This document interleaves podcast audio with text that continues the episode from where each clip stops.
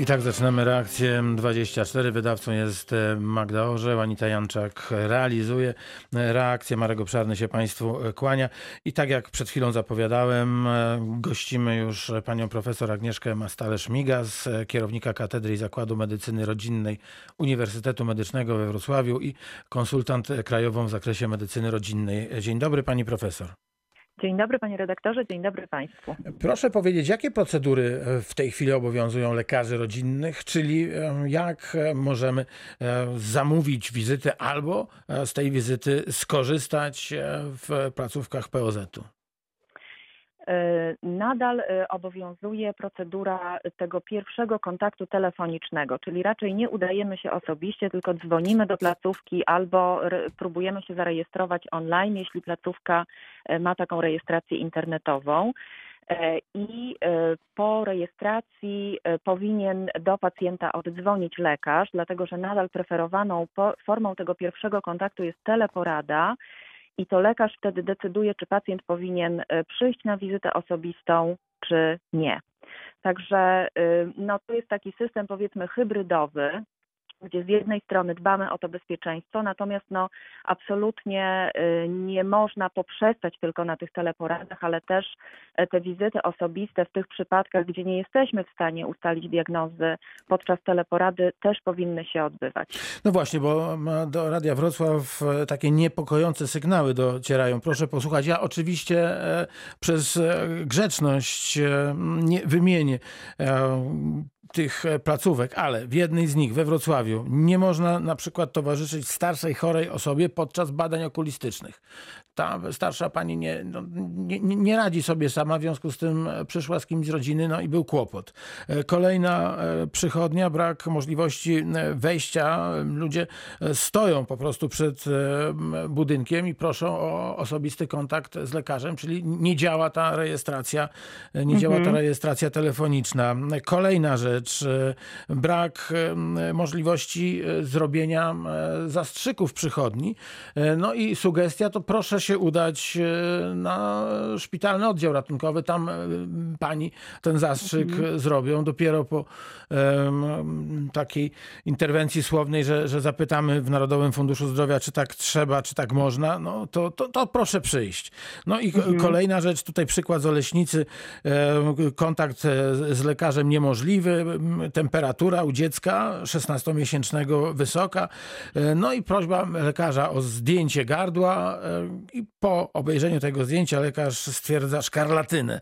E, rodzice przerażeni konsultują jeszcze e, całą sprawę, no i okazuje się, że to e, ząbkowanie bolesne i przebiegające mm -hmm. właśnie z podwyższoną temperaturą. To są tylko przykłady. Proszę mhm. powiedzieć, mm -hmm. co mają zrobić ci pacjenci, no, którzy stawiani są w tak mało komfortowej sytuacji.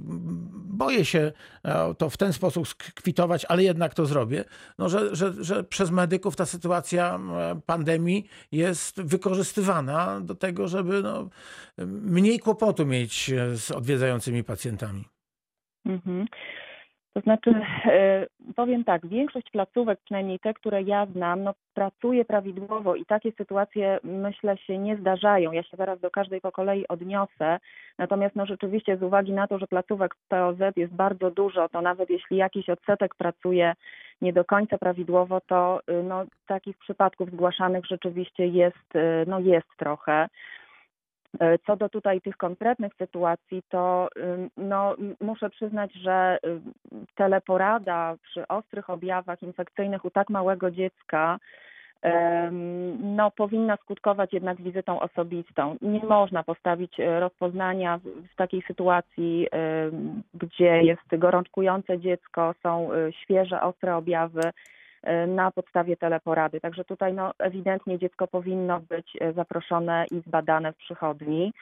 E, to naprawdę redukuje ryzyko omyłek, gdzie no wiemy, że dzieci chorują bardzo dynamicznie i tutaj no, przestrzegam też kolegów lekarzy przed takimi mm, odważnymi tutaj decyzjami co do, co do swojego postępowania. Mm, co do przypadku iniekcji, to tutaj absolutny błąd placówki. Zresztą widać, że po y, informacji o y, zgłoszeniu sprawy do Narodowego Funduszu Zdrowia nastąpiła zmiana decyzji, dlatego że absolutnie placówka POZ nie może odmówić pacjentowi, który ma zlecone iniekcje i są one uzasadnione, y, po prostu wizyty w gabinecie zabiegowym i podania tego zastrzyku. Nie ma absolutnie żadnych y, tutaj przeciwwskazań do tego, żeby taka wizyta się odbyła. Wiadomo, że wszystkie te wizyty odbywają się w takim, mówimy no, o tym podwyższonym reżimie sanitarnym, ale naprawdę to już trwa kilka miesięcy i było dużo czasu, żeby sobie organizacyjnie to wszystko na tyle opracować, żeby można było zaplanować taką wizytę w odpowiednim odstępie czasu między innymi pacjentami, e, poprosić pacjenta, żeby był w maseczce, przyszedł o określonej godzinie, e, personel również powinien być w maseczkach, I taka procedura absolutnie powinna być zrealizowana. Natomiast e, co do mm, tego e, przypadku o tym, że pacjenci nie są wpuszczani do przychodni, to tutaj no też mogę powiedzieć tak z punktu widzenia takiego no praktykującego lekarza i też e, zarządzającego taką placówką, że tutaj no rzeczywiście my unikamy takiego mm, kumulowania dużej liczby pacjentów wewnątrz, dlatego że no jak wszyscy wiemy, największe ryzyko zakażenia jest w sytuacji, kiedy pacjenci, pacjenci czy w ogóle ludzie przebywają przez dłuższy czas na małej powierzchni w bliskiej odległości. Mhm. Więc e, tutaj rzeczywiście no u nas też się zdarza, że pacjenci czekają przed przychodnią, kiedy na przykład jest dzień pobierania badań laboratoryjnych, czy na przykład jest dzień szczepień e, i po prostu rodzice na przykład czekają w samochodzie z dzieckiem albo sobie spacerują i po prostu telefonicznie są zapraszani w sytuacji, kiedy przychodzi ich kolej. No dobrze, a to, a to towarzyszenie starszej osobie, e, no, która Natomiast, słabo no, sobie radzi. Podeszła, tu bym podeszła indywidualnie, dlatego że co do Okulista, zasady, no to jest sytuacja tak, taka, że, że, że no może tutaj, trzeba pomóc wejść myślę, na fotel, tak? tak? No tak, tutaj myślę, że sytuacja jest taka bardzo indywidualna, gdzie po prostu no, jest y, pewnie y, duża wada wzroku, jak rozumiem, taka niepełnosprawność y, tej osoby ruchowa i tutaj pewnie no my byśmy na pewno taką panią po prostu e, wpuścili z osobą towarzyszącą. Natomiast co do zasady rzeczywiście placówki przestrzegają tego, żeby e, no, tych osób towarzyszących nie było. I jeśli na przykład mówimy o szczepieniach, to na przykład u nas też prosimy, żeby z dzieckiem był jeden rodzic, prawda? Jeśli ale, jest ale, jest ten, ale jest ten rodzic. Na zewnątrz. Ale jest ten rodzic. Ja myślę, pani no, profesor, że jeżeli... W przypadku dziecka to oczywiście. Natomiast tutaj... Myślę tak o, o, młodym, o młodym człowieku, 14-15-letnim, który też może przyjść no, z prośbą o szczepienie szczepienie. To osoba niepełnoletnia, prawda? Jasne, ale wie pani, o czym myślę, pani mhm. profesor, że w sytuacji, kiedy, przepraszam, że, że, że, że tak się e, e, wciąłem, mówiąc e, kolokwialnie, mianowicie w sytuacji, kiedy jest ktoś, kto pomaga tej osobie niepełnosprawnej, jest z niej blisko i tak dalej, to w pewnym sensie chroni to... personel, bo, no bo, bo nikt z personelu nie musi podawać ręki, nie musi się zbliżać, nie musi dotykać tej osoby.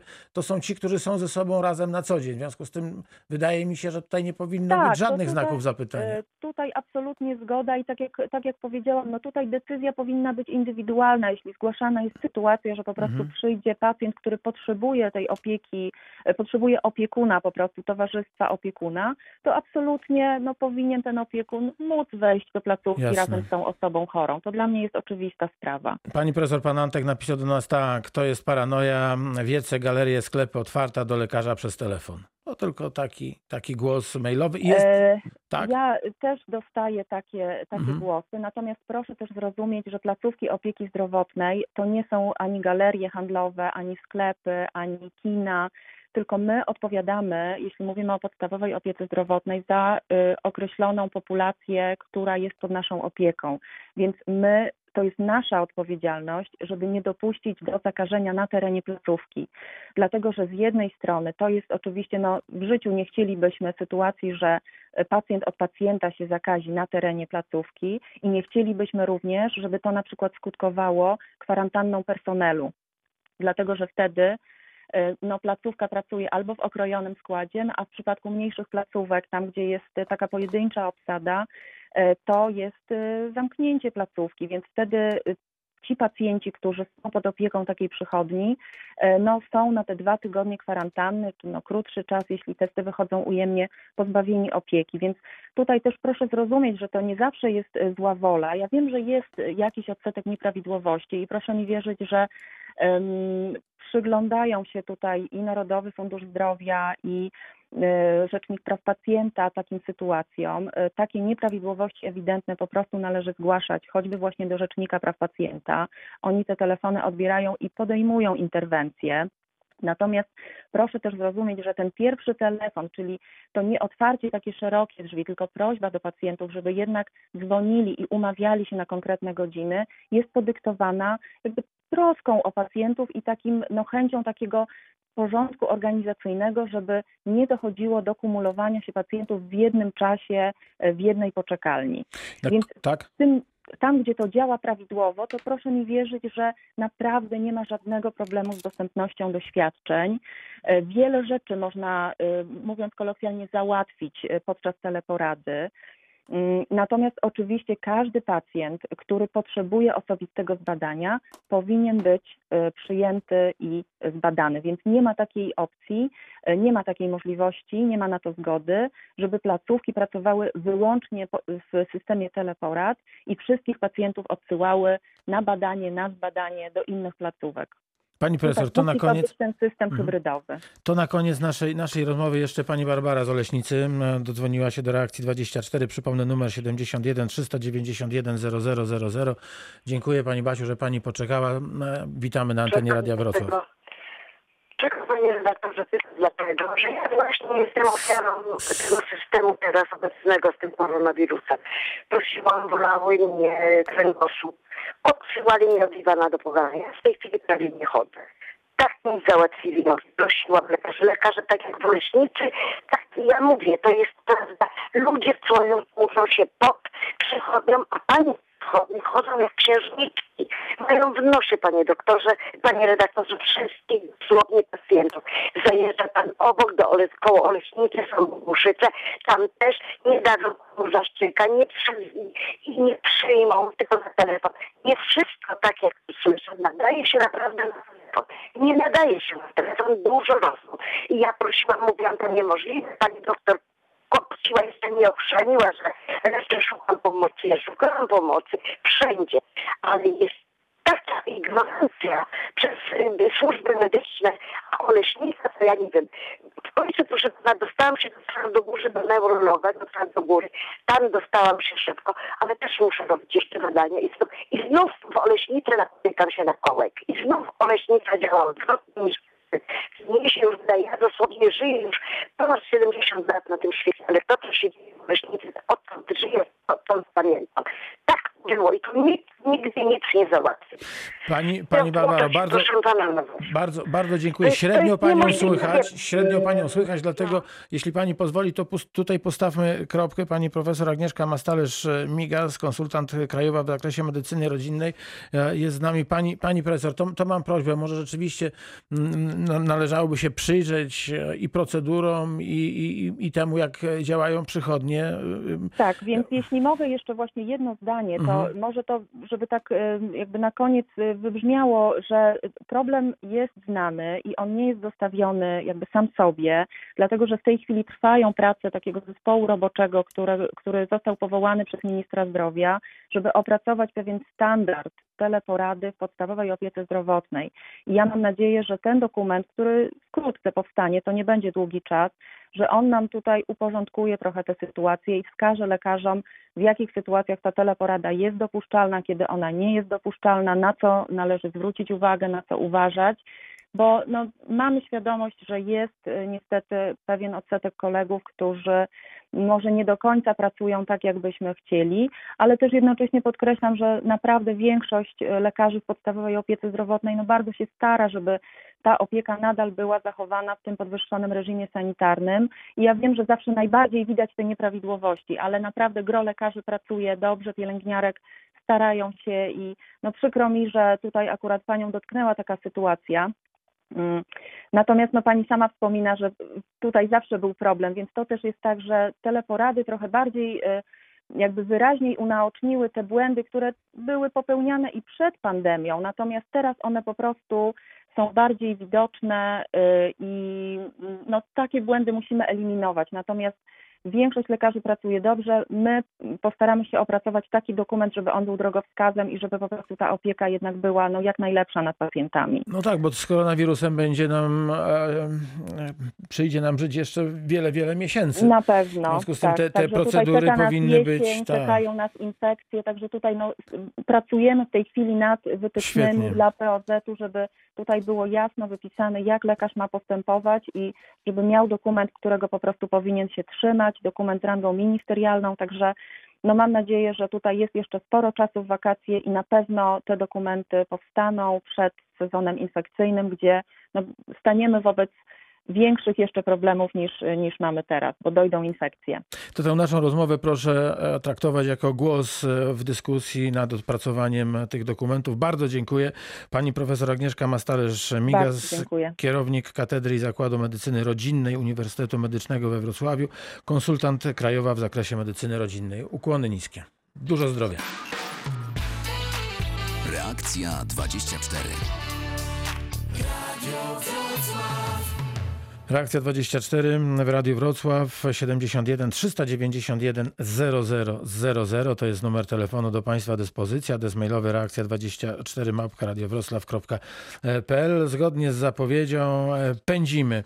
Pędzimy do Jeleniej Góry. Z nami w studiu jeleniogórskim pan Jerzy Łużniak, prezydent Jeleniej Góry. Dzień dobry panie prezydencie. Dzień dobry panie redaktorze, dzień dobry państwu. Mam nadzieję, że pędzicie zgodnie z przepisami. Zgodnie, oczywiście, że tak. Muszę panu powiedzieć, że jeśli chodzi o radio, nie mamy żadnych ograniczeń prędkości. No żadnych. i słusznie. Żadnych. Jak najszybciej tutaj docierajcie do nas, do Kotliny Jeleniogórskiej. Kotlina Jeleniogórska jest otwarta. Kotlina Jeleniogórska cieszy się z wszystkich przyjeżdżających do nas, a szczególnie z, Wro- z Wrocławian. Panie prezydencie, zaczniemy rozmowę, jeśli pan pozwoli, e, od tego spotkania z e, Piotrem Słowińskim, który jest e, gospodarzem studia Radia Wrocław w Jeleniej Dzień Górze. dobry. Witaj Piotrze, dzień dobry. Zostawiam pana prezydenta na twą pastwę. Może nie będziemy się pastwić, bo to nie o to chodzi. Chcemy pewne rzeczy wyjaśnić. Panie prezydencie, w Jeleniej Górze powstały, zostają oddane czy odbierane w tej chwili drogi rowerowe nowe całkiem. Czy, z Jelen- czy w mieście z końca na Karaniec da się już bezpiecznie przejechać, omijając te rafy, te newralgiczne, niebezpieczne miejsca? E, Dzień dobry panie redaktorze. E, Jeszcze nie. E, Nie wiem, czy wszyscy mieszkańcy zdają sobie sprawę, że Jelenia Góra to jest najdłuższe miasto w Polsce. W sumie to mamy prawie 40 kilometrów długości. Jesteśmy miastem tak fajnie położonym, że z jednej strony Borowy Jar to jest e, poniżej e, 300 metrów nad poziom morza, a z drugiej strony e, Czeskie Skały to jest 1427 metrów, czyli przewyższenie mamy 1000 metrów i teraz proszę sobie zobaczyć, jaki to trzeba mieć rower, albo jakie to, jaką to trzeba mieć wytrzymałość, żeby te 40 prawie że kilometrów dojechać do Jagniątkowa. Jagniątków jest troszeczkę niżej, to jest w granicach około 800 metrów, ale tak panie redaktorze systematycznie budujemy drogi rowerowe. Mamy już na Zabobrzu fajnie rozbudowaną sieć dróg rowerowych. Teraz budujemy łącznik pomiędzy centrum miasta, e, czyli drogą między, taką drogą rowerową międzynarodową ER6 z drogą międzynarodową ER2, m, która połączy e, Jelenią Górę, centrum miasta, e, z Cieplicami właśnie, nie wzdłuż dróg, nie wzdłuż ulic, ale, ale e, polami, ale e, kawałek też i lasu. I Wejdę stamtąd- słowo, bo wytyczanie tak na siłę przebiegu po istniejących drogach, czy wzdłuż istniejących dróg doprowadziło do sytuacji, że na Zabobrzu mieliśmy drogę rowerową, która przejeżdżała przez miejsce, gdzie pasażerowie czekali na autobus, dokładnie przez środek przystanku i to nie było fajne. To oczywiście, że nie było fajne, no, ale kiedyś taka była filozofia budowania ścieżek, dróg rowerowych. To właściwie nie droga rowerowa, to, był, to była ścieżka rowerowa. Dzisiaj budujemy te drogi rowerowe już niezależnie. E, Czasami jest to e, przemieszanie e, rowerowo-piesze, tak jak chociażby na ulicy Łomnickiej, gdzie mamy taką drogę rowerowo-pieszą, gdzie chociażby na Wincentego Pola też będziemy w tak, częściowo tak rea- realizowali, bądź na Alei e, Solidarności, gdzie też mamy rowerowo-pieszą, ale tam są tak szerokie te, te, te, te drogi, że jeden i drugi ruch jest Tam akurat problemu wielkiego nie ma, natomiast to kiedy przejedziemy przez całe miasto bezpiecznie na Je- rowerze? Mam nadzieję, że powinniśmy przejechać pod koniec przyszłego roku. Zostały nam, zostały nam do wybudowania jeszcze odcinki. To właśnie ten, który mówiłem, z, te, łącząc te dwa międzynarodowe, ale jednocześnie odcinek, który pozwoli, że e, do centrum, transgranicznego centrum z, w Sobieszowie będziemy też mogli dojechać rowerem. Przepraszam, zostanie jeden odcinek z Cieplic, z centrum Cieplic do, e, do, właśnie do Sobieszowa. To, to zostawiamy na przyszłą perspektywę m, finansową i to jest też projekt, który będziemy chcieli razem z gminami e, ościennymi, razem z gminami z Kotliny Jeleniogórskiej wspólnie realizować e, co najmniej dwa, ale przymierzamy się też do takiego trzeciego projektu, żeby tak, my już będziemy mieli skomunikowane miasto rower, y, pod względem e, dróg rowerowych, ale chcemy, żeby z Jeleniej Góry i odwrotnie, z gmin sąsiadujących z nami można było spokojnie dojechać na rowerze. To jeśli mogę się wtrącić, to jest nie- niezwykle fajnie, że w ten sposób Państwo myślą, bo przecież e, to nie tylko po Jeleniej Górze powinniśmy móc pojechać, tylko tak sobie pomyślałem, że wysiadamy na Nowym Dworcu, o którym za chwilę porozmawiamy, e, z wygodnego pociągu, wsiadamy na rower i jeśli jesteśmy wytrenowani, to możemy sobie jechać praktycznie gdzie chcemy i robić to bezpiecznie. Tak. Do tego między innymi też służą single tracki dla tych, którzy są bardziej, bardziej Wysportowani. powiedzmy, uspor... tak. Z tego dworca, ja wejdę jeszcze w słowo panom, e, z tego dworca fajnie, bo można było też komunikacją miejską, jeleniogórską dojechać do wielu podjeleniogórskich gmin i miejscowości. Piechowice próbowały się odłączyć z projektu wspólnej komunikacji, ale uznały, że taniej i lepiej będzie jednak razem. Teraz Podgórzyn to ćwiczy. Ćwiczyły kiedyś Mysłakowice. E, Ciągle jakaś gmina próbuje się odłączyć. E, Się no, prawdopodobnie od 1 stycznia jednak nie będzie, e, nie będzie w tym systemie, będzie miał własną złożyli do nas e, taką informację, że chcą od 1 stycznia odejść, e, wyjść z porozumienia międzygminnego, gdzie tak jak pan redaktor zauważył, jest między innymi oprócz miasta Jelenia Góra, miasto Piechowice, gmina Jeżów Sudecki, Podgórzyn jeszcze, gmina Mesłakowice i częściowo też Janowice. E, Szukają oszczędności, biorąc pod uwagę sytuację, jaka jest ich z COVID-em i z drugiej strony na b- trudności z budżetem, jakie mamy e, po różnego rodzaju cięciach budżetowych, szukają takich, e, takich oszczędności. Nie wiem, czy to jest akurat najlepsze miejsce, gdzie należy oszczędzać, bo trzeba wziąć jedną pod uwagę. Wielu mieszkańców gminy Podgórzyn dojeżdża do Jeleniej Góry do pracy. Dzisiaj mają taką możliwość z tego względu, że autobusy e, komunikacji miejskiej, a chcę powiedzieć, że ponad 60% naszych autobusów to są autobusy nowe bądź e, dwu, trzyletnie, e, a wymieniamy systematycznie tabor i następnie będziemy, następne autobusy Studenci i uczniowie jeżdżą za darmo i tak dalej, i tak dalej. Jest tych korzyści całkiem sporo. Tak, i seniorzy jeżdżą za darmo.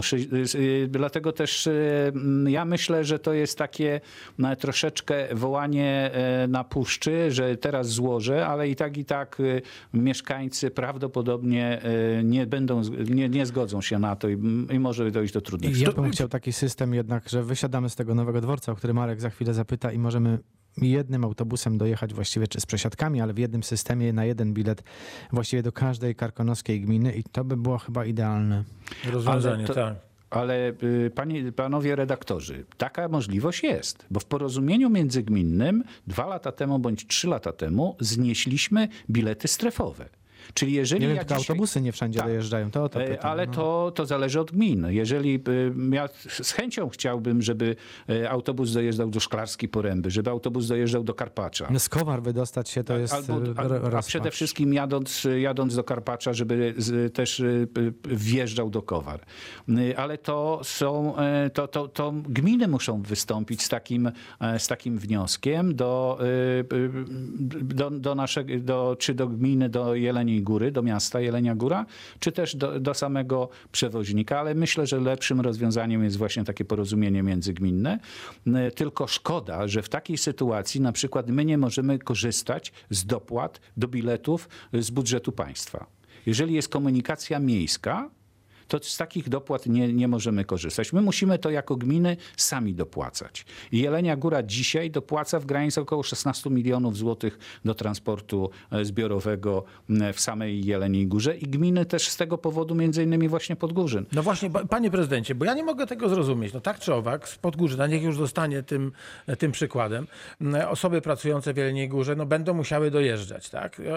Nie, nie wyobrażam sobie, żeby gmina pozostawiła swoich mieszkańców e, na pastwę losu i e, kazała im dojeżdżać własnymi środkami komunikacji. Więc też będzie musiała wydać jakieś pieniądze na, na skomunikowanie z Jelenią Górą. To, to jaki to jest interes, e, żeby, żeby wyjść z, z tego korporacyjnego kociołka, w którym pewnie jest nieco taniej, no bo jak mamy wi- większą liczbę e, usług, no to wtedy te koszty stałe się rozkładają. Pewnie tak. Z drugiej strony myślę, że będą szukali innych takich przewoźników, może tańszych, tylko nie wiem czy pewnych, bo jeżeli jest sytuacja taka, że u nas na przykład zepsuje się autobus, to wyjeżdża autobus, rzadko to się zdarza, ale się zdarza, wyjeżdża autobus zamienny, ale jeżeli jest to jakiś podmiot prywatny, to on już takiego, e, takiej możliwości nie ma. Jak się zepsuje autobus albo coś się innego stanie, zachoruje kierowca, to nie ma takich możliwości. Czyli ta y, y, usługa nie jest tak kompletna, jaką my oferujemy. No jest tylko pytanie, czy to rzeczywiście będzie tańsze, dlatego że e, pomyślałem sobie, że emeryci jeżdżą za darmo, młodzież jeździ za darmo, czy e, jakaś firma e, zaoferuje podobne warunki. No nie wiem, dobrze. Myślę, że, Tak? że, y, że nie. Panowie, bardzo dziękuję. Pierwsza część reakcji 24 za nami. Za chwilę wracamy do Jeleniej Góry.